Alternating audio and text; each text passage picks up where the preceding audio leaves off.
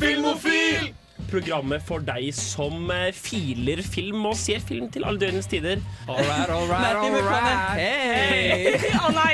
Det var en rar film, ass. Ah, det var en flott film. Nei, det var en, eh, det var en film. Jeg, jeg syns det er vakkert at han lar seg inspirere av Bad Boys 2. Og for meg så elsker jeg trashy Netflix-film. Nei! Du hører på Filmofil på Radio Revolt. Hasta la vista, Ja. baby. Og vi er filmofil, som vanlig, egentlig. Ja. Det, er, det er bare Det Vi begynner å bli ganske vanlig nå. Ja. Holdt på et par år. Særlig du, Sander. Ja, ja, ja, begynner å bli veteran. Ja. Vi er i hvert fall uh, meg, Jenny, og vi har også med oss På teknikk, Gøran. ja. Mina som ikke er på teknikk. Sander, også ikke-teknikk. Jeg liker at vi må påpeke det hver gang nå. Det er Ja. viktig. Det er bare Jaren som er på teknikk. Det er bare han som kan få skylden når, når noe går galt. Vi er i hvert fall her nok en gang denne torsdagen og skal snakke om et litt muntrere tema denne uken, nemlig actionkomedier. Mm. Det blir bra. Det blir. Det blir kjempefint. Uh, før vi skal gå videre og snakke litt uh, vanlige ting, som hva vi har sett siden sist, og bla, bla, bla, bla, bla, så skal vi få høre en liten låt. Vi skal få høre The Avalanches med We Will Always Love You. Hi, it's Tony DeCino here, writer and director of The Furies, and you are listening to Film O Phil. Vi tenkte vi skulle starte litt med å snakke om hva vi hadde sett siden sist. Fordi vi ser jo gjerne på film. Ja. Mina, hva er det du har sett siden Jeg har sett veldig lite på film i det siste, faktisk. Jeg har vært opptatt med å bytte bilbatteri. Helt sjøl, det må jeg si. Jeg må bare skryte av meg sjøl her. Hele uka. Hele uka. Nei. Mina har ikke gjort annet. Nei. Jeg bare satte inn og ut, inn og ut, Ja. inn og ut. Ja. Øve deg. fire skruer og noen klemmer å ta av og på. Ja. Ja. Er- er- Nå mansplainer du, Sander. Ja, Fy oi, søren. ja, beklager. Oi, Men ja, for jeg er kvinne. Mina, film. Eller Ja. hva er det du har sett? Jeg har sett Nino Kuni, som er på Netflix. Å, er den god? Den er helt OK. Ja. Starten, plottet i filmen, er så flott og så fantastisk. Den kan gå så mange gode veier, men så, jo mer jeg så, jo mer oppdaga jeg at det var helt sjuke plot holes. Og det var sånn Nei. Nei, det var så mye som ikke var i orden. For dette er jo en anime som er basert på et spill. Ja. Og jeg spilte spillet når det kom ut. Mhm. Og jeg er så svak for musikken og verdenen til Ja, det spillet. For det, det er laget av han som lager Ghibli-musikken, Joe Ishaishi. Og så var altså uh, verdenen og animasjonen, alle de animerte cutscenesene i spillet var laget mm. av Studio Ghibli. Mm. Jeg skal kjøpe spillet på Switch når det kommer. Ja, og den var sånn, den er skikkelig søt, så jeg er sånn Å, jeg vil gjerne se mer fra det universet, men hvis filmen ikke var så god, så Men nå har vi også lært at uh, spill, spillefilm, holdt jeg på å si, spill i film ikke alltid er en god idé. det var det. Så Nei, det ja. Ja. Mm. Men er helt OK til en sånn film er jo helt Ja, OK, da. jeg syns at den var veldig fin, men roomien min, som er en veldig stor anime-fan, uh, satt ved siden av meg og kommenterte på alt som var feil, og da ble det bare enda mer feil for min del. Så Helle, takk for at du ødela filmen. Åh, Nei da. På Helle nå. Nei da, vi elsker Helle, og hun har faktisk helt rett. Nei, ikke banke Helle, hun er så forsvarsløs. Stakkar. OK, Sander, hva er det du har sett siden sist, da? Uh, no, jeg så uh, Paddington i går. Den var En eller skikkelig to? søt. Eneren. Jeg så eneren. Den er skikkelig søt.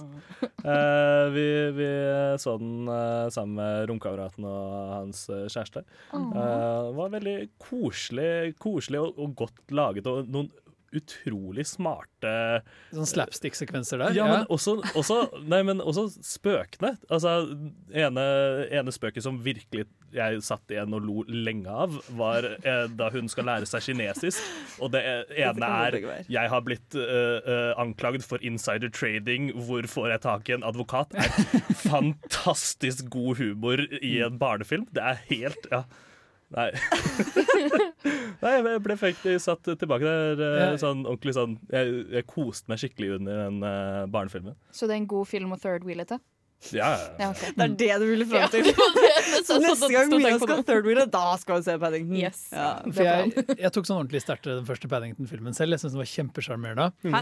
Eneren trodde du bare likte Ja, toeren? men Oi, toeren er sånn Toeren går eneren en sykt høy gang. Den er et, så, den er et så lite mesterverk i, i skripting og, og hvordan du setter opp komedie. Det er, det er sånn, den er verdig å studeres på filmskoler eller et eller annet. Den er skikkelig, jeg anbefaler å se både eneren og toeren, for toeren er virkelig et skritt opp. Da, mener jeg. Jeg så bare toeren, og den var, den var skikkelig søt. Hugh Hugh- Grant er oh, Han er skikkelig søt. Ja, for Hugh Grant er, er slemmingen, er det Ja, Ja, det er det han er. Vi Men skal han er prate om- slem. Andre filmer Hugh Grant er slemmingen i senere i sendingen.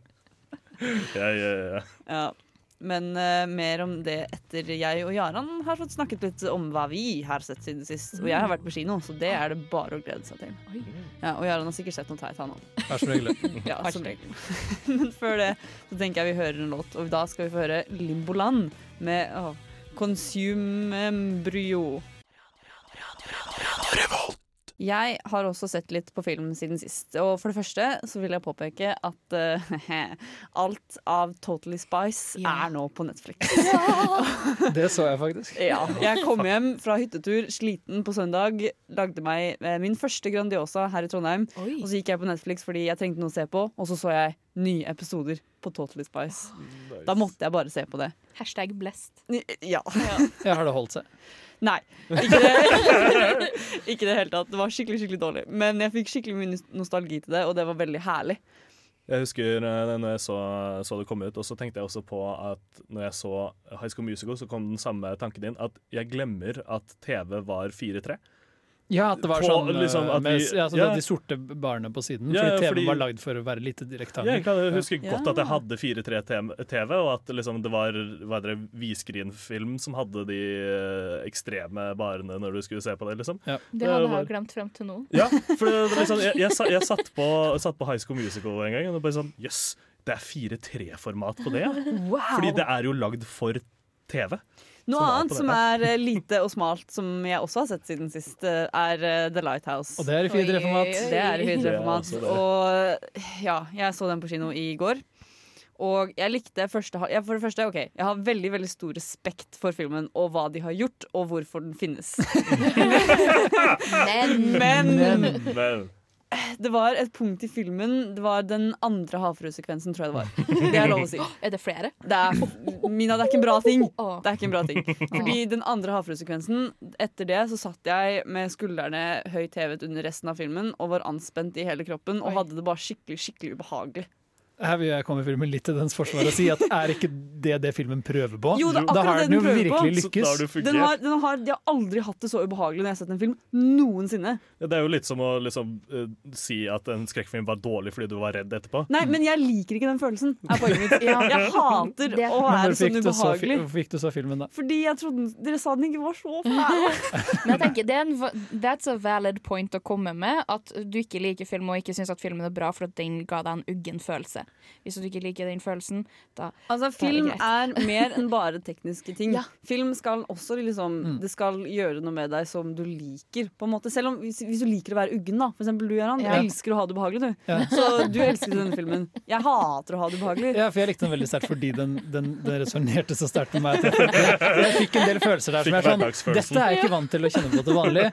Eh, Så det er veldig gyldig å si at eh, jeg liker ikke den typen film spesifikt. Denne filmen var ikke for meg. Ja. Og da er det jo fint at du fortsatt anerkjenner at filmen er en Fordi godt var- laget Den var skikkelig bra laget. Jeg, Og og det var hel, å, herregud. Det var hele første halvdel så satt jeg Det, det minte meg skikkelig om hvis eh, Wes Anderson hadde laget en skrekkfilm. Eh, The Shining, hvis Wes Anderson hadde laget The Shining. Ja. Ja. fordi bare måten de panorerte på, måten liksom kameraet bevegde seg Den sto stille, og så plutselig bare begynte å bevege seg litt til siden. Det var så Wes, og jeg var sånn Å, det er så herlig å se på. Det er så fint. Ja, jeg husker at jeg, når jeg så den, så tenkte jeg at eh, vet du hva, jeg synes det er faktisk en bedre eh, film som tar for seg Cabin Fever enn det The Shining eh, var. Jeg synes hvis Eller Ila Eli Cabin Fever.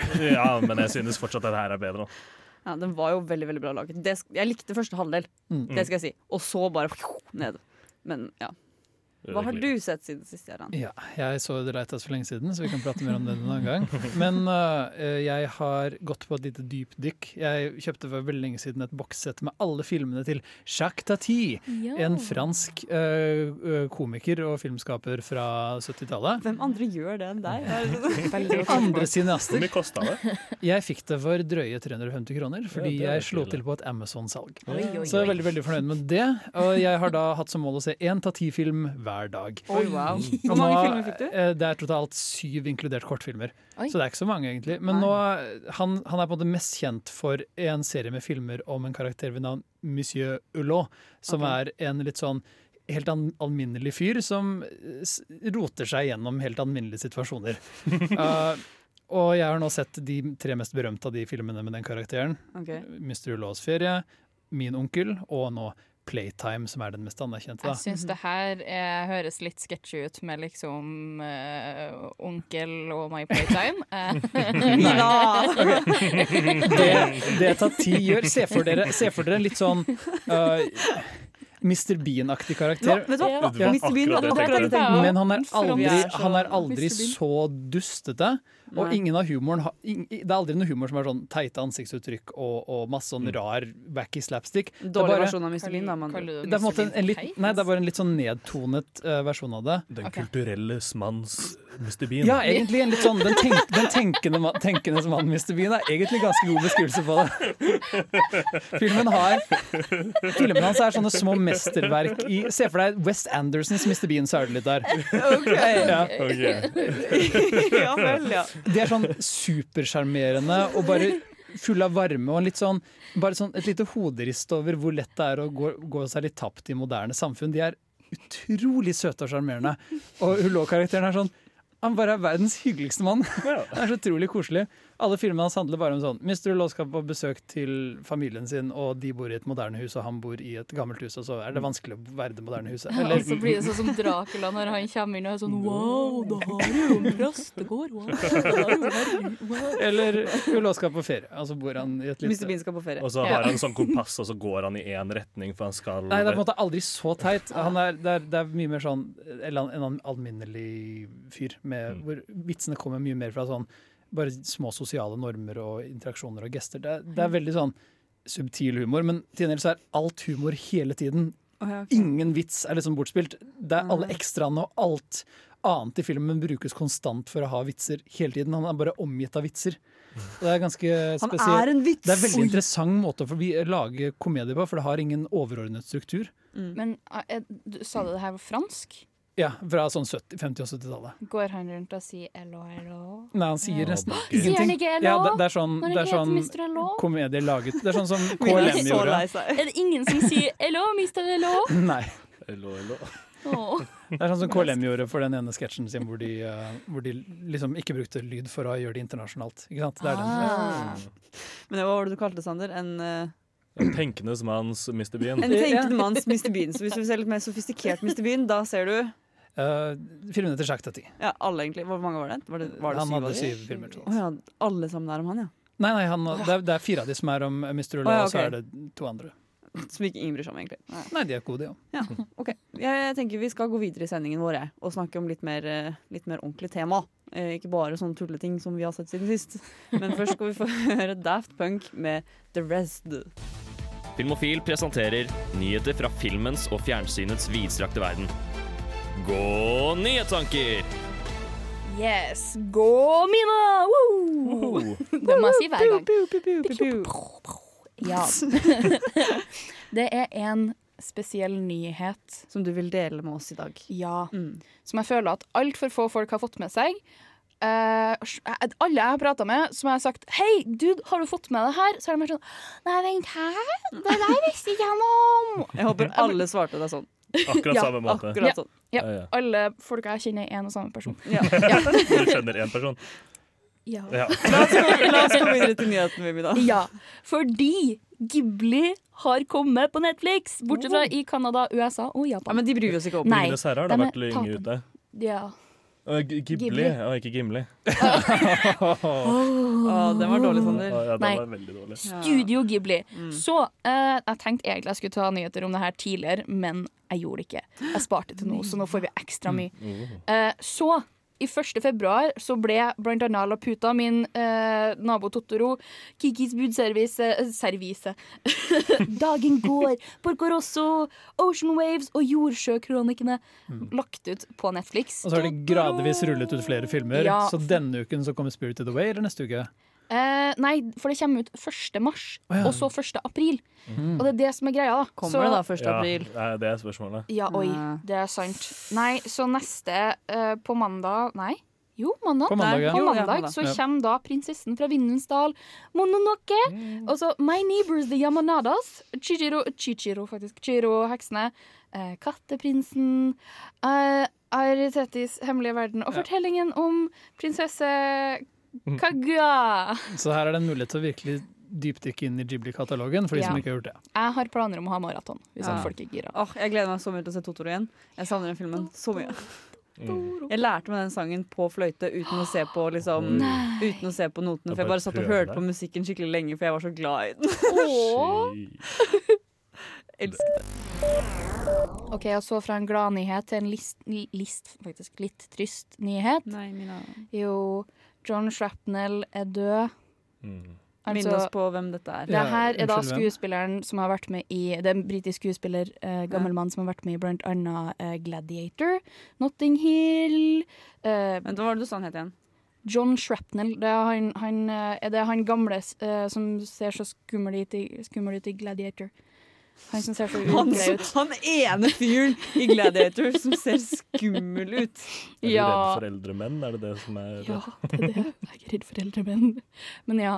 Ja. ja. Og så videre til en litt mer kul nyhet, fordi jeg gleder meg kjempemye til Mulan. Og jeg har vært Gjør du det? Jeg gleder meg så mye. Er, det er ikke noen sanger, Mina. Nei, jeg vet det, men jeg bryr meg ikke, fordi jeg vil ha Mulan. Ingen Mushu heller, nei. Ingen sant? Mushu. Ja, og det er et lite problem. Og samme er pro eh, problemet med eh, Shang. Hvor er han? Han er ikke satt opp i eh, Hvor, hvor er han? Ja, fordi han er ikke satt opp i Ja, hallo! Du vet kapteinen, kjæresten kjæresten, til ja. Mulan. Å oh, Ja. Ja, ja, han som er bifil? Ja. Ja. Eller Pan. We do not, yeah. we do not uh, discriminate.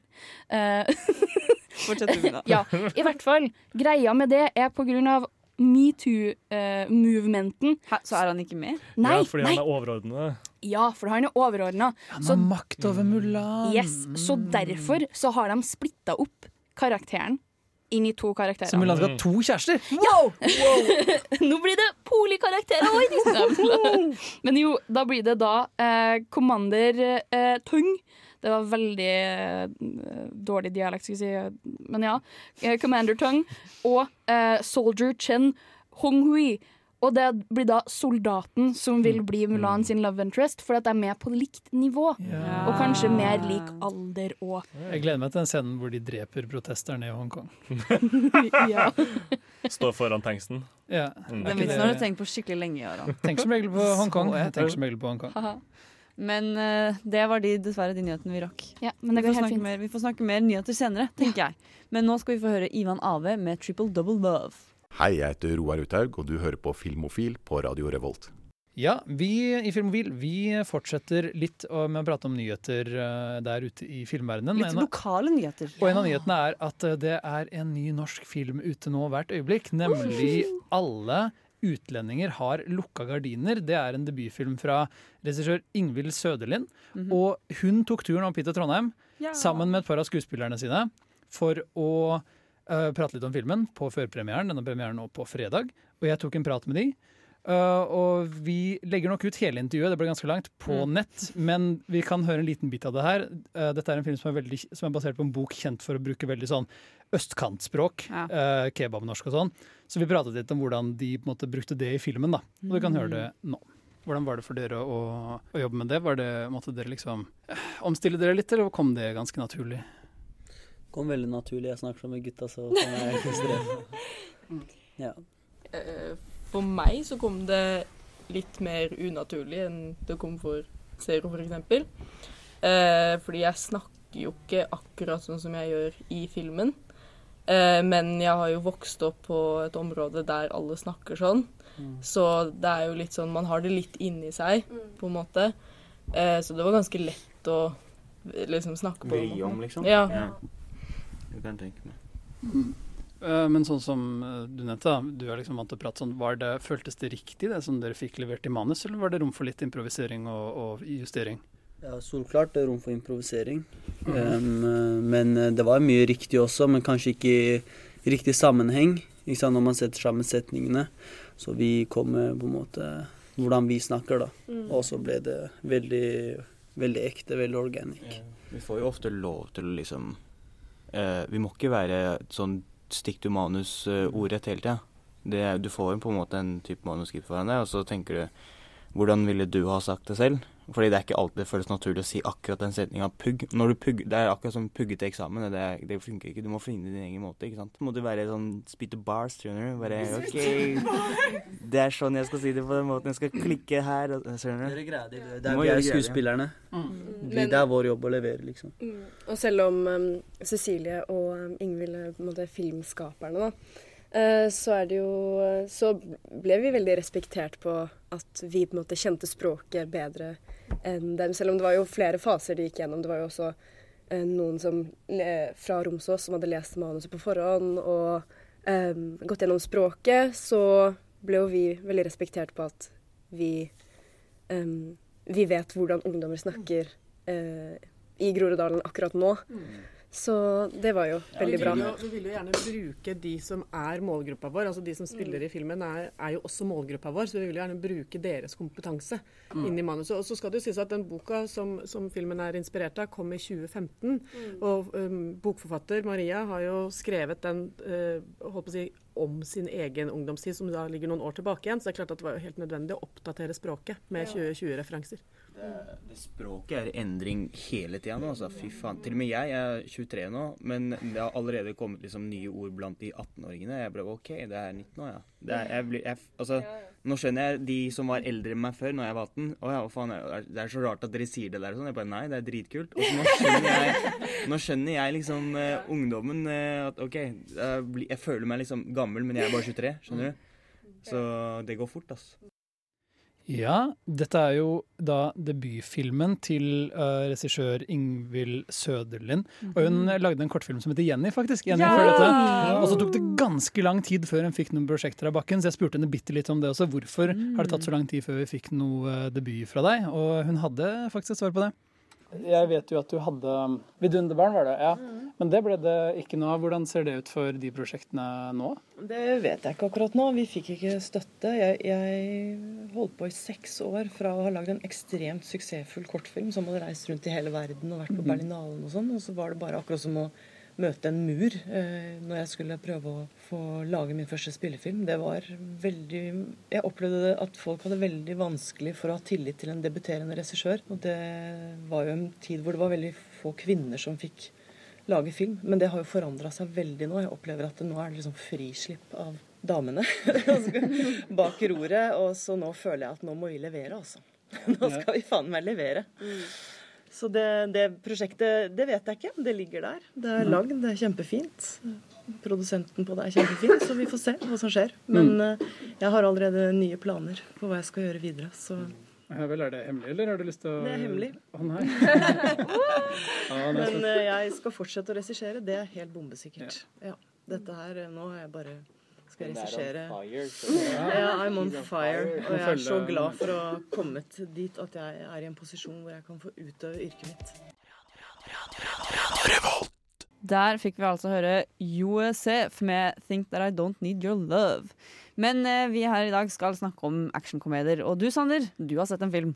Ja, jeg har sett uh, mye film. Uh, det er en stund siden jeg har sett akkurat denne filmen, her, men jeg tenkte jeg kunne En dra stund frem siden, ja. Den kunne- helt nye filmen. Jeg kunne dra frem uh, Ja, nei, selvfølgelig. Det tenkte jeg helt feil. jeg. Jeg tenkte Jeg har sett en film på kino som jeg vet at pappa kommer til å like, så jeg tenker vi kunne spille anmeldelse. I want you to play a game with me, Ray. I don't want to play a game. Oh, please. No. I said play a game with me, Raymond. Right. Lovely. The Gentleman starter med at Hugh Grant ber Charlie Hunnam om penger for informasjon han har samlet opp til dette tidspunktet. I tillegg legger han ved et filmmanus han har skrevet om hendelsene. Hugh Grant sin karakter er nemlig Londons beste privatdetektiv og filmentusiast. De første scenene er gull for oss filmnerder, et par gode vitser og filmlingo. Fletcher, som han heter, begynner å fortelle hva han har funnet på en måte som en person ville ha pitchet en film. Han forteller Charlie Hunnam sin karakter Ray hva som har skjedd frem til nå. Boss Mickey Pearson. You're too smart to be blackmailing us, Fletcher. Sweet Mary Jane is my vice. Your poison, on the other hand, is and always has been the destroyer of worlds. You're out of touch, and I would like you to consider an offer. I Matthew McConaughey har hovedrollen Mikey Pearson, en amerikaner som begynte å selge weed til medstudentene sine på college. Han senere droppet ut for å bygge et weed-imperium i England. Han er nå på utkikk etter en mulighet for å komme seg ut av den kriminelle underverden, da han begynner å få avsmak for all volden. The plot begins to thicken. Now, I can't be specific about the heroes and zeros, but our protagonist is a hungry animal. There is a lot of money hanging in the balance. Our antagonist explodes on the scene like a millennial firework and has indirectly started a war. Filmen er smart skrevet, det er mye som skjer hele tida, du sitter konstant og legger sammen brikker etter hvert som de blir tilgjengelige, og du får ikke tid til å se fremover i tid og prøve å forutse hva som kommer til å skje. Dette er en av de beste heistfilmene jeg har sett. Eneste det mangla, var et heist. think you need to see this, boss. That's one of my firearms. How did they find it? I'm making inquiries.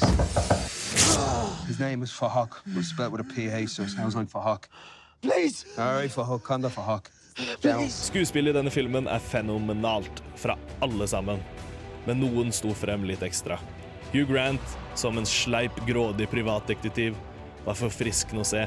Han var nesten ikke til å kjenne igjen. Forskjellen mellom hans rolle i Paddington og her er vel at han sier 'kønt' rundt 200 ganger. Matthew McConaughey spiller også fabelaktig i denne filmen. En rolig, veletablert mann med et sinne som ligger rett under overflaten. Not by acting like a king, by being the king. Brilliant! Vil jeg anbefale denne filmen? Hvis du prøver å slutte å røyke, vil jeg ikke anbefale denne filmen. Det er lenge siden jeg har sett noen se så kule ut når de røyker. Ellers, for alle andre som liker heistfilmer og litt James Bond-sjarm, dra og se den. Fantastisk skuespill over hele spekteret, og noen ekstremt humoristiske segmenter blandet inn med en ekstremt kul og godt fortalt historie. Kom dere på kino og se denne filmen. Matthew McConaughey! Hei, hei. Ah. Et spørsmål til deg, Ja. Sander. Er den her en like god heisfilm som uh, den med djevelen i heisen? det var en dårlig vits. Eller Heismann Ja, Mina. En heisfilm, rett og slett. Jeg har et ordentlig spørsmål. Ja. Fordi, fordi jeg har fått eh, Når jeg ser liksom på bilder fra den og lest om eller jeg har ikke lest så mye om den, egentlig, så får jeg veldig assosiasjoner til um, uh, Kingsman. Ja, ja, Er den, ja, er den sånn? Hvis du skrur ned wackyet til, uh, til Kingsman, Ja. så får du eh, veldig mye av tonen i det her. Det er, det er ikke det er, Så det er ikke like campy Ja, som det er Kingsman? ikke like campy, og uh, den har ikke slow-mo uh, fighting-scener, men like voldelige og ganske Ja. Vi burde dra på kino, Jenny. Ja, jeg skal Ja. se den. Jeg skal Ja. se den. Enig. Jeg har jo veldig sånn sterk avsmak på Guy Ritchie. Og så har veldig mye av responsen til denne vært sånn Guy Ritchie er tilbake! Som om han noensinne forlot oss. Uh, jeg tror den Altså, siste, film, den siste filmen hans jeg virkelig virkelig likte Eller sånn, likte ganske godt, var The Man from Uncle. Fordi det var noe Ja, helt sant, annet for han den Mm. Men, men, men når han gjør disse gangsterfilmene, så er, vel, så er han veldig ofte så utrolig inne på at han syns dette er så ufattelig kult. Alt skal være så veldig, veldig kult hele tiden. Uten noe glimt i øyet eller noe anerkjennelse av at disse karakterene er egentlig ganske uinteressante og kjipe folk. Er, er The Gentleman litt på den siden hvor liksom alle konstant skal se så utrolig kule ut? Ja og nei. Eh, du har eh, de to på en måte, hovedpersonene, Matthew McConaughey og Charlie Hunnam, som er veldig, veldig kule. Mm. Eh, men de er jo på en måte Ja, altså eh, De prøver å holde tilbake på volden og sånn, men de, de har litt avsmak for, eh, for ikke-fiffen. De, de holder seg til nobelen i, i England. Men eh, nei, jeg vil, jeg vil si jeg liker den veldig godt. Det er en veldig, veldig koselig koselig, morsom, morsom, morsom film. koselig som Paddington. Ja, det er ikke like koselig som Paddington. Men hva er like koselig som Paddington? Nei, ikke sant. Nei, nei men eh, jeg, jeg kan anbefale den eh, veldig sterkt. Altså, den, den, jeg satt og lo veldig godt av den eh, filmen, og ble investert i historien, for jeg synes det var godt fortalt, liksom. Mm. Og måten den ble fortalt på, var veldig morsom, da han Hugh Grant er en filmentusiast. Så han forteller det som han, han pitcher en film da, i et uh, manuskript og sånn. Han har til og med laget et manus til filmen som han prøver å selge til Miramax, som har laget filmen, denne filmen. Så det er veldig mye meta med da et lite plakat. til- Miramax, Harvey Weinstein? Mm -hmm. Har Ja. de lov til å lage filmer lenger? Nei, han har ikke det, men er ikke, er ikke, var ikke Miramax et av selskapene hans? Jo, det er det vel. Men det var, var ikke oi. det, da. Ja, det er sant. Men da jeg så traileren, og så Hugh Grant, så var jeg sånn Vent, er han så gammel? Er han virkelig så gammel som han ser ut i filmen? Eh, eh, I filmen eller Hugh Grant som Ja, person? eller sånn generelt. På ekte er han veldig gammel. Ja, på ekte så er han ganske Han blir faktisk Ah, eldre, Mina. Serr? Ja. Som alle. Men eh, nei, han, han jeg, ikke, jeg tenkte ikke på hvor gammel han var, men bare at han var veldig sleip og spilte det veldig bra. For han spilte Ja. noe jeg aldri har sett ham før. på en måte Veldig ulikende. Det er litt gøy. Vi som er filmprogrammet Filmofil, skal nå få høre en låt. Vi skal høre Billie Eilish med 'No Time To Die'. Hei, jeg heter Stig Frode Henriksen. Hei, jeg heter Sahid Ali. Hei, jeg heter Evy Kassett Rusten. Hei, jeg heter Alexandra Aurebekk Nilsen. Og du hører på Filmofil! Bare pga. den låta så har jeg litt lyst til å se James Bond. Ja. Jeg syns den er så fin. Jeg synes den, er, den er så fin. Jeg elsker den. Hun er jo så flink, hun uh, Billie Eilish. Men det er ikke henne vi skal snakke om nå. Nei. Men det var noen filmer der da, som følte jeg kunne ta det opp. Ja. Uh, men vi skal i dag snakke som sagt om actionkomedier. Og vi startet som smått med The Gentleman, Mm. som jeg gleder meg veldig til å se nå. Og Ja. som Sander sa, både er morsom og spennende. Ja. Og det er jo det vi skal gå gjennom. Vi skal gå gjennom rett og slett hele spekteret, da, har vi tenkt. Fra um, filmer som er hovedsakelig action med kom komedieinnslag, til liksom filmer som egentlig er komedier, men som de følte at det ble, de, de har ikke humor, så de må legge på noe action for å gjøre filmen bedre. Eller filmer som måtte gjøre narr av action. Ja, vi skal, vi skal innom det meste, egentlig, tror For jeg. vi har funnet ut at actionkomedier er et spektrum. Mm. En slags gradvis eh, bevegelig skala. Ja. Og man kan Eh, liksom gjenkjenne filmer på, på hele, hele den skalaen. Ja. Hva, hva er det første du tenker på når du tenker actionkomedie? For meg så er det lett hot fuzz, Ja. Tror jeg. For det var det nyeste jeg så også. Fordi jeg Så tror faktisk jeg tenker på Rush Hour. Ja, jeg, Jeg- kommer fort inn i ikke akkurat Rush Hour, men filmer som Rush Hour. Ja, og Kanskje Politiskolen. Ja, same. Det og Tropic Ja, ikke sant? Thunder. Men så tenker du sånn OK, Rush Hour, der er det en del actionsekvenser.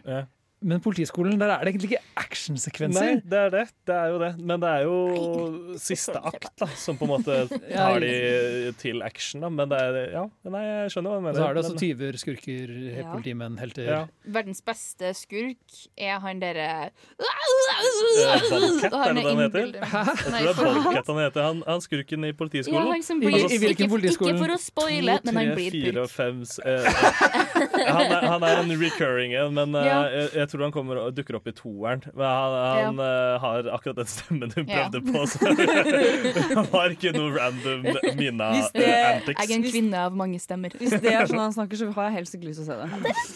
Det er faktisk Han- helt han sjukt Og dette er, dette er din første førsteplass for verdens beste skurk. Ja. Ja, vi har glemt- har glemt å si Hvis en, du to, tre, s- tre. Ja, ja, hvis du ser bort ifra The Boogeyman. i- Men, eh, men en ting da, grunnen til at vi også snakker om dette her, er jo fordi det er Eller Eller comedy. Vi trengte litt mer For det første så trengte vi et litt mer bunter tema fra forrige gang, som var Ja. terror. Og Jeg lo litt der òg, da. men- Ja, men det oh, nei. Men i hvert fall så er det det med at humor i actionfilmer gjør det kanskje litt mer eh, lettere å se, er en greie. Jeg vet ikke, fordi Når man ser på for John Wick, da, er jo ganske, den er ganske ja, dyster, egentlig. Men det at man legger til humor, gjør den jo litt bedre å se. Sånn med hele den der, I John Wick 3, i hvert fall, når han bare driver og kaster kniver på han ene i gangen. Ja, Men samtidig så er det en mann som får en kniv i kroppen sin. Ja, da, ikke sant? liksom. Men De gjør det på en måte lettere å se, men det er jo fortsatt fælt. Ja. Ja. Den første men John Wick er på en måte mye, mye dystrere enn de andre. Ja, og så blir det jo på en måte den uh, kontrasten, da. Det er jo det som uh, blir uh, veldig ekstremt i, i eh, hvert fall John Wick, da, hvor det er Mm. veldig dystert, og så er det liksom noen Og det tar deg veldig ut av det. Ikke ut av filmen, men det, det surpriser deg. Da. Mm.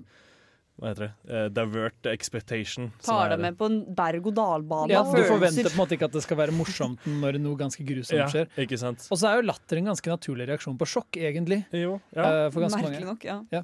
Litt som da vi så Lighthouse. Ja. Jeg lo du mye da, Jenny? Pappa lo veldig mye. Nervøs latter. Så ja. Men uh, dette og uh, veldig, veldig mye mer, tenker jeg. Eller veldig mange av de filmene vi nevnte nå. Skal vi, ikke Politiskolen, da. Nei, dessverre. dessverre Vi kan prate om Politiskolen hvis folk har lyst. Altså, Nå har vi allerede pratet om Platet, faktisk. Platet, om pratet om Politiskolen. Nok, tenker jeg. Ok, okay, er ferdig med den. OK, okay Jenny. Ja. Du gir oss. Det er jeg som styrer skuta. Ja, vi gir oss. Hør på meg. Vi legger oss under her. Ikke gjør det, vær så snill. Men nå går vi videre med det. Og vi skal snakke masse om actionkomedier og alt dette innebærer. Men først skal vi få høre Death Crush med Know What You Want. Vi tenkte at vi skulle starte denne flotte sendingen med litt sånn Starter i det hjørnet hvor action preges eh, mest i filmen, og så er det litt humor innimellom. Og hvor er vel et bedre sted å starte da enn godeste Vi kommer alltid tilbake til han her. Godeste Jackie Chan. Søte mannen. Jackie Chan er en søt mann. Vi må på en måte mer enn noe annet prate om han når det gjelder actionkomedie, for han var litt med på å definere det. Mm, det er en, hvis du går inn på Wikipedia-artikkelen til Jackie Chan, så er det et eget eh, avsnitt hvor det står i bold øverst sånn Jackie Chan og hans actionkomediekarriere. Ja. Han, eh, på tidlig 70-tallet så eh, lagde Jackie Chan filmer i Hongkong hvor på en måte prosjektet hans, enten han visste det eller ikke, var å, prøve å risikere eh, livet sitt så mye som mulig. eh, for Fordi det er gøy. å- Ja. ja, for å lage filmer som var både spennende og morsomme. Og det, det var noe med hvordan han på en måte lagde ganske ville actionfilmer, men han hadde alltid tid til komedie, både fysisk komedie. Han ble Mhm. som kjent for å inkorporere slapstick i kung fu-slåssingen sin. Mm. Og samtidig så har en del av de gamle filmene sånn straight up komediescener. Det er en scene i, i Police Story hvor han sitter alene på politikontoret og prøver å spise lunsj, og så ringer Mm. en telefon, og så ringer en annen telefon, så ringer en tredje telefon, så sitter han på sånn rullestol, så blir han, som, han begynner å sjonglere telefoner og prøver å prate i alle telefonene samtidig, og han prater med kjæresten sin. Og han blir sånn skikkelig heseblesende sånn forviklingskomedie. Og så et par scener senere, senere, senere så slåss han liksom mot skurker og hopper over biler og ja.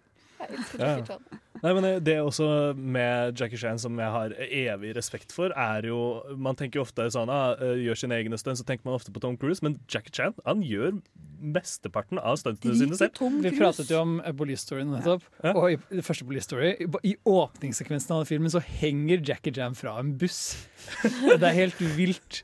I en av mine favoritter, eh, Pirate Patrol, så, En av mine favoritter. så faller han fra et tårn som er minst ti meter høyt, rett ned på bakken. Det er helt Ja, sykt. sett! Ja, har du sett Ja, det? Det er, helt, det er helt vilt. Og de tok det taket sånn fem ganger. Hæ? Det er helt Mhm. Han utrolig. ikke på seg noe Han faller gjennom en rekke En serie med sånn tak som kollapser nedover. Ja, den Så han-. Ja, den er helt utrolig. Mhm. Og det er jo da på en måte for det første noe mars til en gammel skre- eh, sort-hvitt-film, eh, Mhm. 'Safety Not Included', av Mm. uh, Mm. Eller si Harold Lloyd. Jeg tror det er Harold Lloyd. Uh, men han gjør det liksom til sin egen, og det er noe med denne blandingen av som sagt slapstick Mm. og på en måte en sånn forkjærlighet for film. Og denne sånn villigheten til å nesten dø for å gjøre filmen spennende. Ja. Han har òg en av mine favorittkampscener ever. Jeg husker ikke i hvilken film det er, jeg glemmer det alltid. Mm. Men uh, de er i hvert fall på et sånn samlebånd hvor det er klister, sånn at ting ikke skal dette av. Eh, og der klarer han å lure opp skurkene og eh, den kvinnelige antagonisten, skal vi si, protagonisten, eller ja. Er det love interesten hans? Ja, love, love, love interesten, eller han skal redde hun. Ja. Um, og det er jo sticky, så de setter seg fast. Oi, oi, oi! Men så klarer han fortsatt å slåss, og han bare Mm. Ja. slenger folk ned på det samlebåndet og begynner å trampe på dem. Og liksom, hun dama ender opp med liksom, å være halvnaken, så han drar av seg skjorta og sånn Ha på deg den! Det går bra! Den er nydelig. Nei, fordi uh, i disse Jack Chan-filmene så er det jo noe med at dette kunne fort blitt ganske teit, Mm. men han er veldig, veldig villig til å Han sa en gang Ingen banker opp Bruce Lee, alle banker opp Jackie Ja. Chan. Han er veldig villig til å ta alle de slagene og få det til å føles som om stakesene virkelig er der. Som gjør at filmene hans har en sånn fantastisk, helt perfekt balansegang mellom humor Mm. og spenning. Ja. Og vi snakket mye mer om Jackie Chan på vår sending om Jackie Chan, så det er bare å høre på den hvis du vil høre mer om han. Men eh, vi skal fortsette å snakke litt mer om, eh, om liksom komedier. Og litt mer humor, tenker jeg. Men først skal vi få høre Luna med Asp. Hi, this is Brian Usen. I'm the producer of Reanimator and the director of Society, and I'm with the Filmophile people, and uh, we're all having a great time. Men han godeste Jackie Chan, han spilte som sagt i eh, Ja, litt, han, begyn- han satte litt preg på den action-komediestilen, og det begynte vel egentlig veldig i Rush Hour. Som da er importerte han den veldig tydelig til Hollywood, men Ja, de hadde det på det, en måte allerede stjålet en del fra, Russia- fra actionkomedie Eller de, actionkomedier var allerede en ting i Hollywood. Mm. Ja. Så det at Jackie Chan kom til Hollywood og gjorde en såkalt buddy cop-film, Mm. som Rush Hour der, hvor det er han og hvem Chris er? Rock, nei. Nei, jo, Jo, er det Chris, Rock? Det er vel Chris, Chris Tucker er det. Yes. Mm. De kristne, altså. At, eh, han og Chris gjorde en film sammen, hvor de liksom spiller to mismatched politimenn som må overkomme både kulturelle forskjeller og Mm. ja, alt mulig rart for å lære seg å jobbe sammen. Det funket veldig bra for Jackie Chan, tror jeg. Mm. Ja. Men det er også noe vi ser veldig Det er også noe jeg tenker på veldig når jeg tenker på actionkomedier, er typisk buddycop-filmer. Mm. For det er Det spiller jo veldig på liksom humoren mellom karakterene som gjør hele filmen, som er liksom humorelementet, og så er de i en situasjon hvor det er mye action. Typ liksom Nesten Brooklyn 99 Ja. kan nevnes Mm. der. Bare at den Bare det er mye mindre action i Brooklyn 99. da. Veldig action i Brooklyn. veldig, mye action. Altså, Gina blir påkjørt av en buss, liksom. Så jeg mener, Det er spoilers. Ja, det er Ja. ikke egentlig Nei, det. Men i uh, forrige uke så ga vi jo egentlig The Nice Guys, Shane Yes. Black sin Nice Guys som hjemmelek. Så det er sånn veldig veldig tydelig eksempel på Prima eksempel. Mm. Den har også et veldig gøyalt skript i det at på en måte, det overordnede strukturen til filmen ikke har noen betydning. Eller Det er veldig sånn meningsløst og forvirrende. Det er sant. Um, og det er liksom morsomt nok i seg selv. Men det er noe med at Russell Crowe og Ryan Gosling har så utrolig god kjemi i den. Mm. Be ja, Ryan Gosling er overraskende morsom i den Han filmen. er så fantastisk. Det er helt sjukt. Mm. Ja. For det her uh, handler jo da om eh, Ryan Gosling, som er uh, Tenk å si man for hire, skulle jeg si. Eh, Privatdetektiv er han vel. ja. man for hire. Man for hire. Jeg heter Gigolo, da. ja. Um, som blir ansatt da for å um, sette på plass Russell Crowe, egentlig. Mm. Eh, fordi at det er noe Ja, i hvert fall så blir de kompiser, da. Det er, det er et Ja. rotete plott. Ja, det er veldig rotete, men yeah. the point being de blir kompiser og begynner å jobbe sammen. Nøste opp et plott om en forsvunnen jente i Ja. LA på 70-tallet. Mm, Amelia. Hvis jeg husker rett, så var det en som brekker armen og går rundt i cast rundt hele greia. Det er Ryan. Gosling, ja. ja. ja. Mm. Det er jo også litt blod i den også. Jeg husker, nei, okay, det sa jeg veldig på en teit måte, men det, Litt blå Hold dere unna, tror- her er det husker- skikkelig skummelt. Jeg tror jeg husker den Skummelt. Jeg tror jeg husker den Er det en scene hvor han liksom skjærer av seg tommelen eller noe sånt, så bare må han liksom gå med gips? Eller er det den armen? Nei, men det er en åpningssekvens er her hvor en, en prostituert kjører utfor et stup, og så Ja. ligger hun død ved siden av bilen sin, så kommer en liten gutt og finner den nakne. Ja, ja, det skjer, det er ja. åpningsscenen til den filmen. Det Så det er på en måte veldig mørke ting, men så, og, og, og selv om det er mye sånn gøyale scenarioer, så er det på en måte banter og kjemien mellom Crow og, og Gosling som holder Ja. filmen flytende. Mm. Og det er noe som Shane Black, regissøren i denne filmen, på en måte var litt med på å skape når han skrev um, 'Dødelig våpen', eller 'Lethal Weapon', tilbake på 80-tallet. Mm. Mel Gibson, Danny Glover-filmen. Det er på en måte den som gjorde at han slo gjennom. Jeg tror han var sånn 24 eller noe da han skrev det skriptet. Sånn wonderkid. Tjente millioner på det. Shit, jeg har et Uh, år på meg, altså. ja. Til å bli en wonderkid. Men uh, det er, på en måte, han har på en måte alltid jobbet i buddy cop-sjangeren virkelig fått det til. Mm. Så det er sånn Bad Boys er en buddy cop-film. og Ja. Ja, det er mange eksempler på buddycop. Det er liksom, nesten alle actionkomedier kan spores ned i at de er en buddycop-film på en eller annen måte. Vil jeg tørre å påstå med min Deg lille om erfaring. Meg om de. Vi skal snakke med, vi skal ha en quiz-quiz-quiz av Sander etterpå, men først skal vi få høre Kvelertak med Necrosoft. Nå er det tid for Yes. Fordi du, Sander, du har laget uh, Vi kjører del to av Sanders quiz. Ja. Det, det er sant. Jeg har eh, en eh, quiz som en på nettet har funnet opp en veldig spesiell type konsept av et quiz. Forklar det veldig veldig fort. kul. Ja. Det er eh, sånn at han satt sammen to uh, uh, filmer, eh, sine synopsis, eh, hva som skjer i de, eh, og de to filmene sin tittel går inn i hverandre. Mm. Eh, sånn at man da må tenke litt, og hvor er det det liksom klipper inn, Mm. så videre. Forrige uke vant jo jeg. Ja. Ja. Skal du slutte å skryte av det? snart? Jeg har snakket om det hele tiden. Hver eneste Han, han sier ikke noe annet. Nei, han gjør ikke det. Nei, Så jeg tenker jeg kunne starte. Ja, OK, vi er klare. En gutt blir valgt ut av en eldgammel trollmann til å få kreftene til en superhelt. Alt han trenger å gjøre, er å rope navnet Aretha Franklin! Shazam Shazam Amazing Grace. Yes. yes. En, eh, en tegneserienerd blir lei av å være eh, seg selv og tar loven i egne hender. Sammen med Abstergo skal han leve gjennom minnene til forfedrene hans. Å, Var- det det? Ja, den siste er Assassin's Creed, men hva var den første? Tegneserkid, Spider Nei.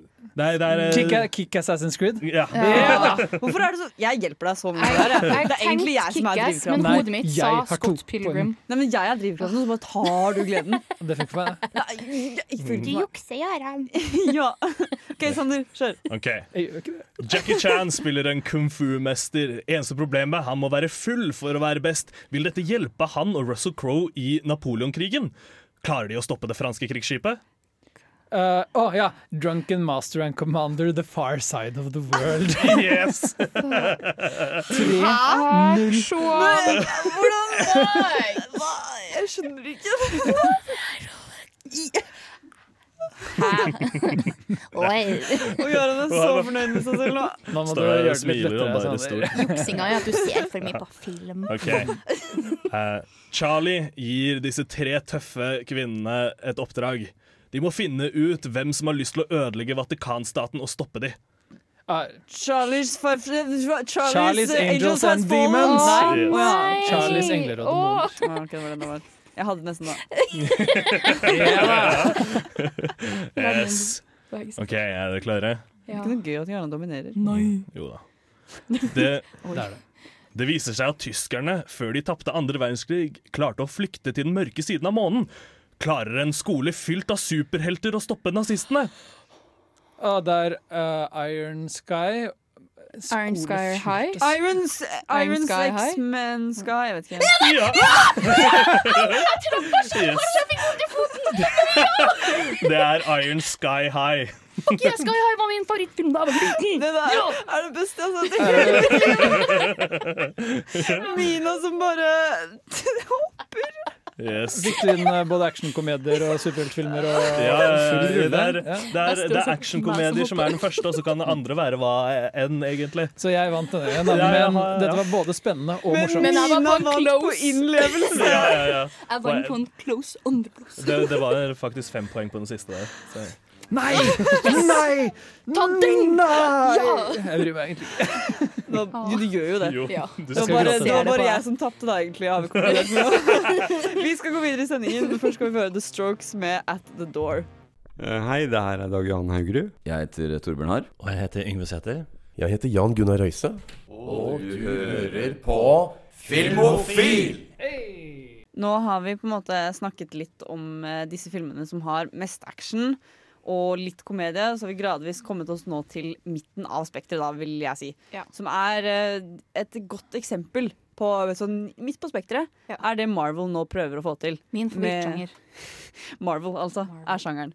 Ja. Fordi det som vi har sett, som er sånn DC får det ikke helt til. De har prøver, men de feiler helt totalt. Ja. Men det Marvel klarer, er at de klarer å blande action og komedie på en sånn måte at du ikke tenker over at det er en actionkomedie, egentlig. Riktig. Og da har vi jo en hel drøss, eller kanskje ikke en hel drøss, vi har i hvert fall fire. Det er masse Marvel-filmer. Ja, altså. det er masse Marvel-filmer, men vi har i hvert fall fire gode, solide eksempler på actionkomedier. Og da har du blant annet Ragnarok. Mm. Eneste Thor-filmen som er morsom. Vi pratet jo nylig om Thor Ragnarok på vår uh, Topp 100 tiårets Ja, uh, 100 hør beste på den. filmer-podkast. Og da var konklusjonen at nesten ingen husker hva filmen handler om. Alle husker at den var morsom. Ja, og Valkyrie. Det er jo det egentlig alle husker fra Thor Ragnarok også. At det var en film som en film. gjorde noe annet for Marvel igjen. Samtidig som Marvel tidligere har liksom laget film Kom Guardians? Guardians kom før. Ja, Ja. Guardians er et kjempegodt Men eksempel. Guardians, jeg føler at Guardians er litt mer eh, memorable, kanskje litt. Men den er også full av sånn wacky humor. Ja. Uh, Starlord er sånn Skal vi ha dance-off for universets skjebne? Og du er sånn OK, er det det som skjer nå?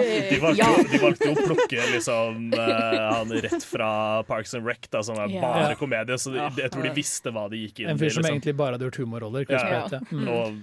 Plutselig ble han en blockbuster-fyr. Sånn kan det gå. Ja. ja, ja, ja. Jurassic Park, ikke en komedie, actionkomedie. Nei, la oss holde oss til actionkomedier, takk. Men så har du òg Antman. Også en film som har gått i glemmeboka for mange. Det Paul Rudd, også en er komikerfyr. Han er nedlagt. Komikerfyr. Ja. Mm, humormann. Han er en morsom kar. Ja, for det Marvel gjør, i motsetning til kanskje andre f eh, sånne actionkomedier, er at de faktisk tar inn eller Jackie Chan gjorde det også, men for, ho hovedsakelig de tar inn folk som er morsomme, da, for å prøve å få de til å sette preg på Ja. filmen. I motsetning, til DC. Ja. Mm. Woo! Alle hater på DC! Woo! DC er bra. Ja, men hva med. Shazam? Der tok du jo inn han fra Chuck, sant. som er Ja. en komedie... Hva er det han Ja, heter? fordi- Zachary Levi. Ja, Ja. Han som spiller i Tangle.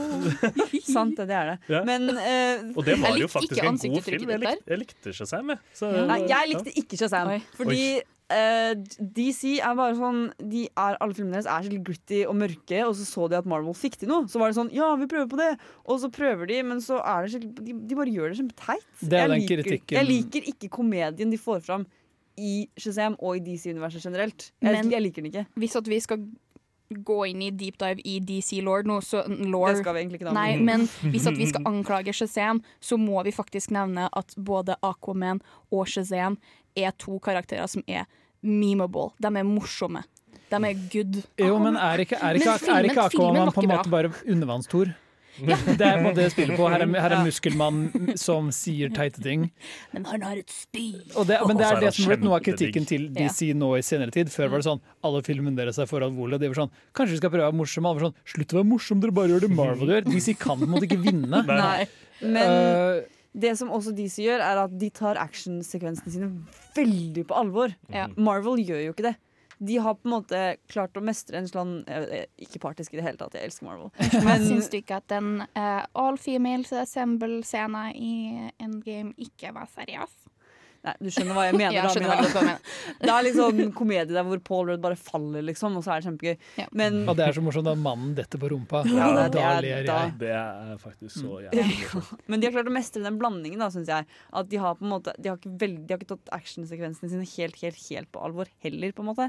Det er sant. Og da liker jeg det veldig godt. Vi har to til som vi må nevne på Marvel sine actionkomedier. Og det er både Deadpool, Deadpool. og uh, Spiderman. Fordi det er begge De karakterene er jo for så vidt ganske like. Um, hvis du Deadpool og tenker deg om. Spidermans. Ja, Mm. bare at Begge rød drakt. Deadpool er jo straight up humor. Mm. Måtte aldri, du klarer aldri å ta det på alvor fordi Deadpool kan ikke dø. Men den er jo. også straight up veldig, veldig action. Jeg Ja. syns ikke det. Men greia med Deadpool er at han er både, han er både vulnerable og morsom. Og veldig badass. Han er bare Ryan Reynolds. Jeg, jeg, skjønner, ikke- jeg, skjønner, jeg, skjønner ikke greia. Men comic book, da, hvis du tenker comic book. You know. Ja. Men uh, absolutt, Spiderman er sånn en av de klassiske eksemplene på å holde moroa lett. Mm. Mm. Fordi han, han holder aldri kjeft. Men jeg tror òg det har litt med det, det faktum at det er en kid. Og Ja, det, det er det, er- det er lettere å ha humor når Særlig en kid. etter at Tom. Holland tok over. Ja. Fordi han er, veldig, han er veldig kid, han. Ja, Han er kjempekid. altså, uh, Toby Maguire var jo ikke veldig kiddete i Ikke Andrew Garfield heller. Nei. Toby Maguire skal ha det at han var veldig memeable. Ja. Ja, det, det gikk jo en gråter. fin gradvis nedover da, i alder, føler jeg, mellom Ja. alle disse Men jeg syns Tom Holland er the, the perfect age Ja. for Spiderman, Det er som liksom vi anser som god Spiderman. Det er ingen tvil om at Marvel har vært med på å virkelig bringe dette inn Som du sa litt, Jenny, nesten lage en egen sjanger av disse superheltfilmene som en, sånn, en blanding av humor og, og action. Da. Ja, og det er sånn midt på treet for der sendingen vår går nå. Vi skal snakke mer om litt sånn komedie-actionfilmer etterpå, men først skal vi få høre Ta med Impala med One More Year. For et program i burra med både klasse og stil. Du hører på Filmofil. Pling! Vi er her fortsatt. Du hører på Filmofil på Radio Revolt. Og vi har eh, kommet oss godt i veis på denne skalaen vår fra humor-action til Nei, action-humor til humor-action. Ja. Mm. Det var der, det var der jeg For vi prater om actionkomedie. Vi snakker om actionkomedier, faktisk. Mm. Og vi har jo eh, snakket litt om disse buddy cop-filmene, men det er én ting å si sånn ja, Rush Hour og de der filmene. Kanskje enda mer typ Bad Boys, hvor all actionen tar seg selv veldig på alvor. Mm. Og, så, og så forventer du at humoren skal komme fra uh, kjemien mellom skuespillerne, Mm. som sier noe dustete øh, for å lette på stemninga. Det er sånn som jeg gjør det. Akkurat sånn som deg. Der var det god, altså. Men det er jo en annen, var en annen variant her også. Da snakker vi om liksom sånn typ hvor de prøver å bringe humor mer inn i actionsekvensen også, da. Og Mm. Jump Street er for et veldig godt eksempel på det. Ja, jeg, jeg, Mhm. jeg vil si det. Der har du jo selvfølgelig den kjemien mellom eh, Jonah Hill og, og han eh, Channing Tatum. Nå prater vi om reboot-filmene. Ja, sa? jeg enig. Hva var det du sa? Nå prater vi om reboot-filmene. Ja, reboot Det var jo opp, opprinnelig et TV-show på 90-tallet. Jeg tror det. Om sånn Johnny Depp som var en undercover politimann på, på 90-tallet. Han var jo ung Ja, på, ja, en, på en high school. og så Da var han jo ja, kjekk. I et sånn, det var, var en TV-serie. Hadde 90-tallet. vært morsomt å sette han prøve igjen nå. Og liksom Oh, blende no. inn Er det eh, lov å spoile at Johnny Depp har en cameo i den originale Jump Street? I den, den første Jump Street fra, fra tidlig 2000? Det er veldig lov til å har, Ja. ja. ja. Det er helt innafor. Ja. Så Jeg satte veldig pris på det. I slutten der så viser det at han er en, en, en ekte politimann nå, da. Mm. Ja. Mm.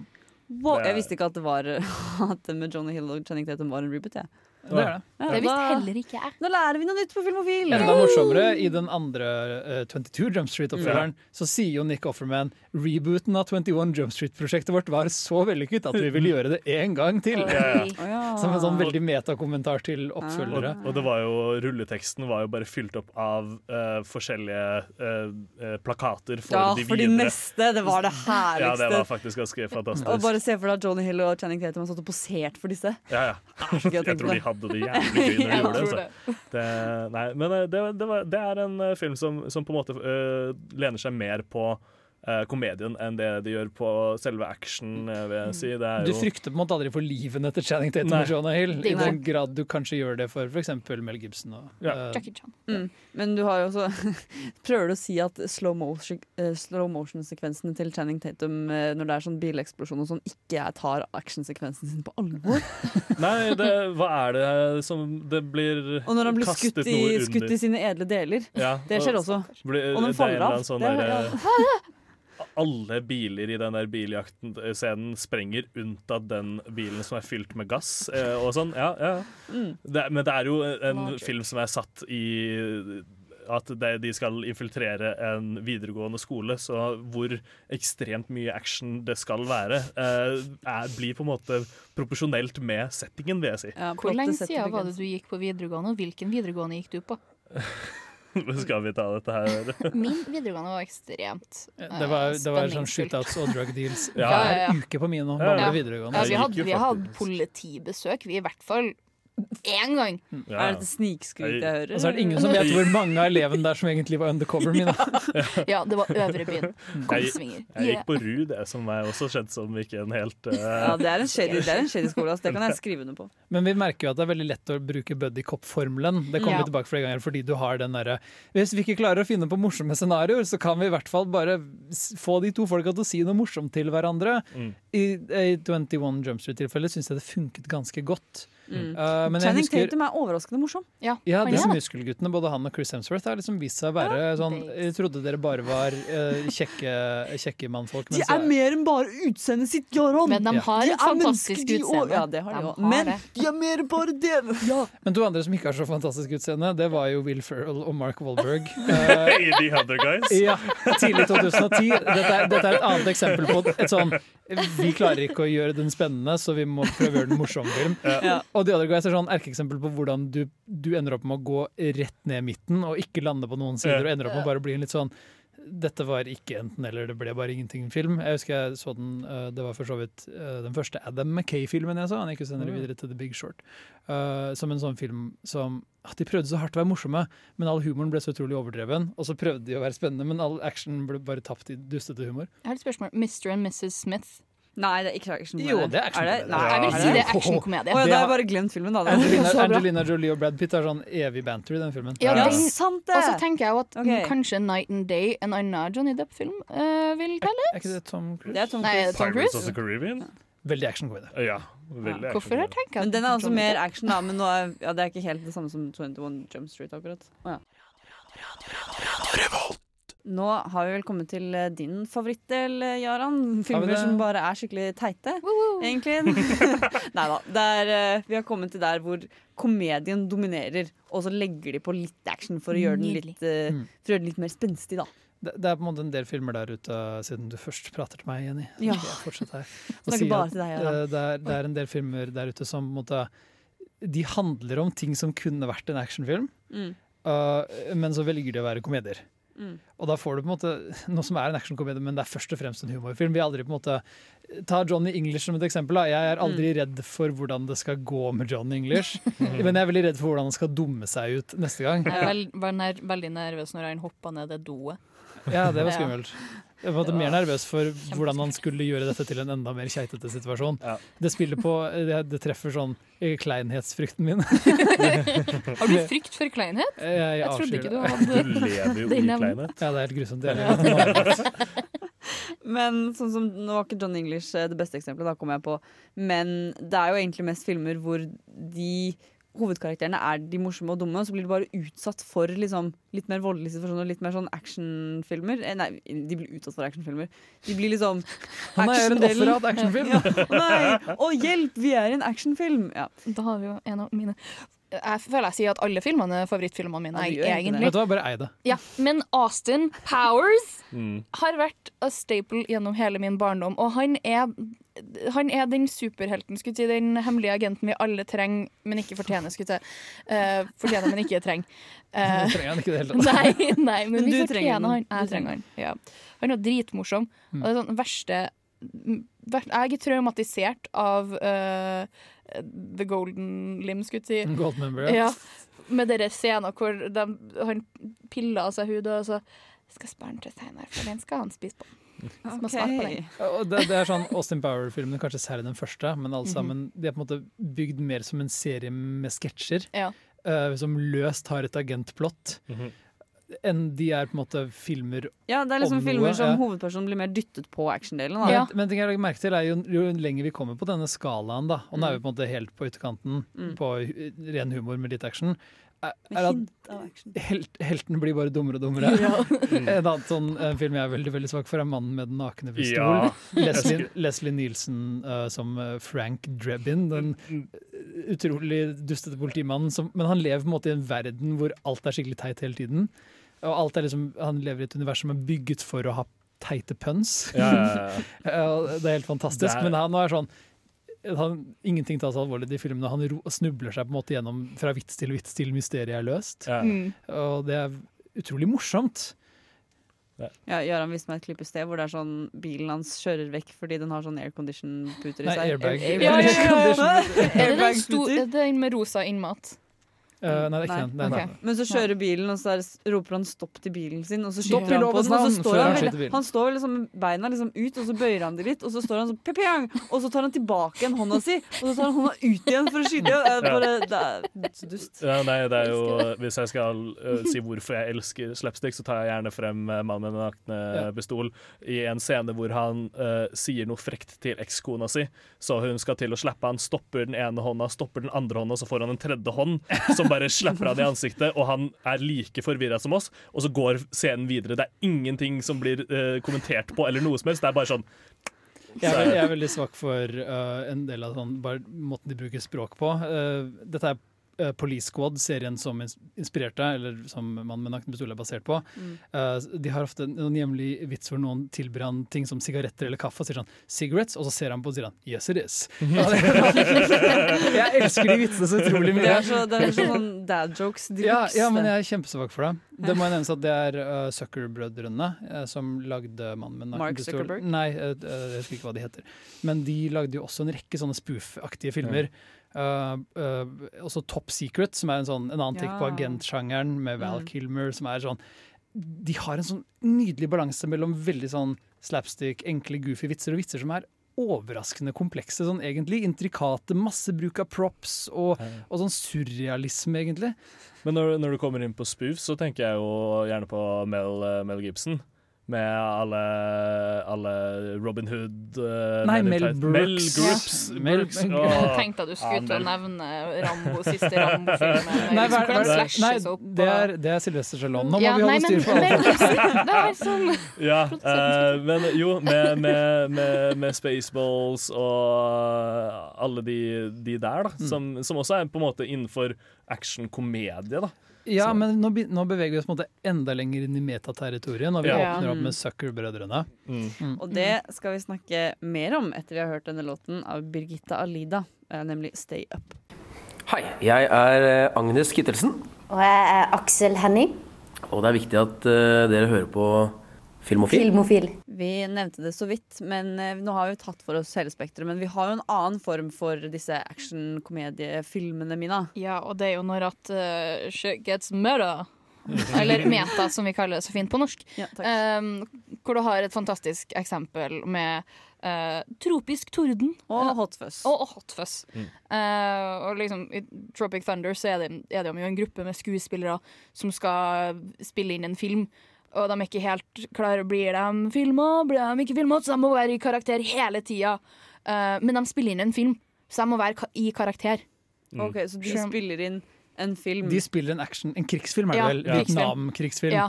Og så er de ute i Kambodsja eller et eller annet. Ja, okay, og så de, får vi de liksom blir droppet inn i en krigssone for øh, fordi uh, han regissøren har lyst til at det skal være så realistisk som mulig. Ja, så, så, man sier liksom ikke det til dem. de.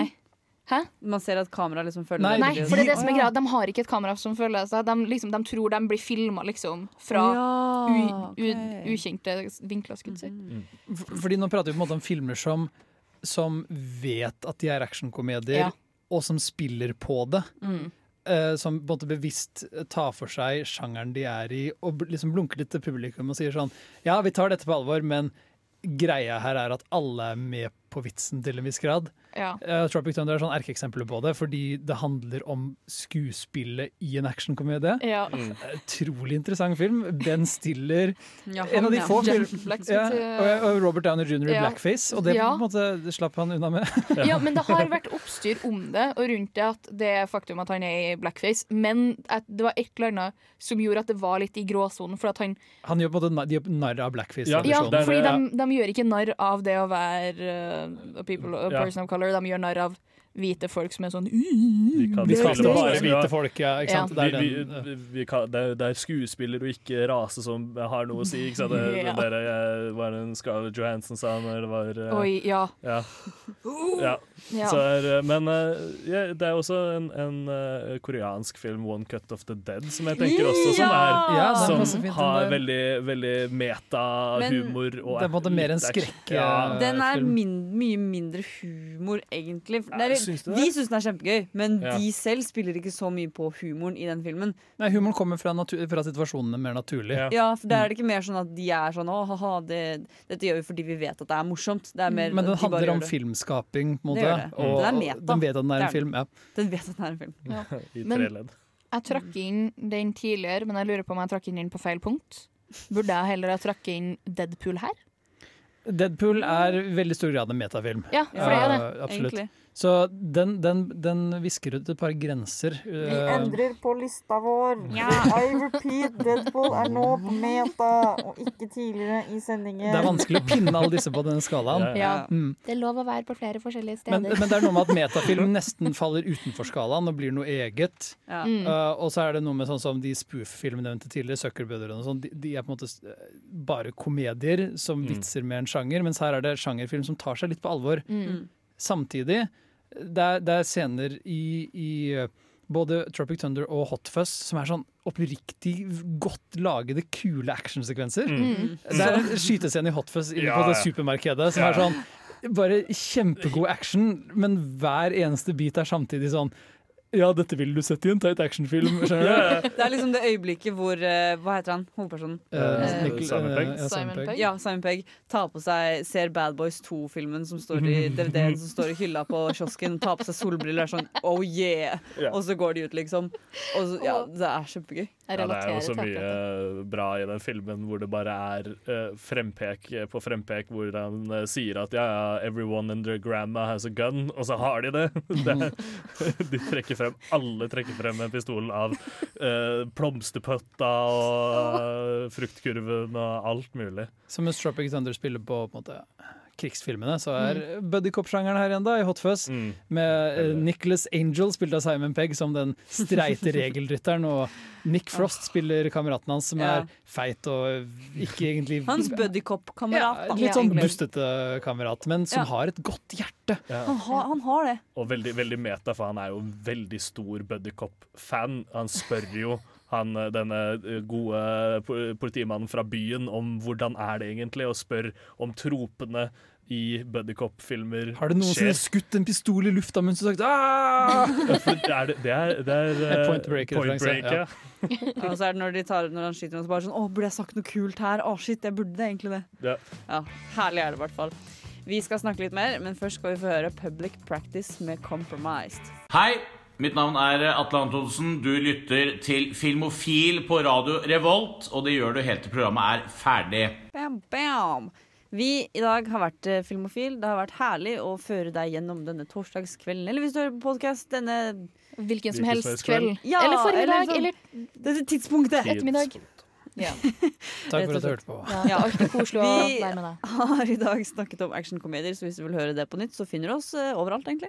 Podkast, stream on demand, Spotify. eller bare på YouTube. Eller bare ring Jaran, egentlig. 99 57 26 53. For en superhero burger date.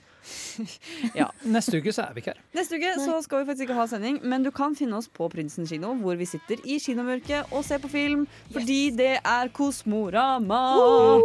Og der skal vi. Og så kommer det, det kommer en Kosmorama-sending. Kosmo, det klarte jeg ikke å si. Det Følg oss på Instagram og på radiorevolt.no, for vi kommer til å holde dere oppdatert med hva vi ser, hva vi gjør og hvor vi er. Følg med på Radio Revolt sin Facebook-side også. Der kommer det mye bra. I dag så har vi vært på Teknikk. Alltid han. Vi har også hatt med oss Mina som ikke på teknikk. Og Sanner! Og jeg heter Jenny. På vei ut skal vi nå få høre Great News med Greedy Little Things.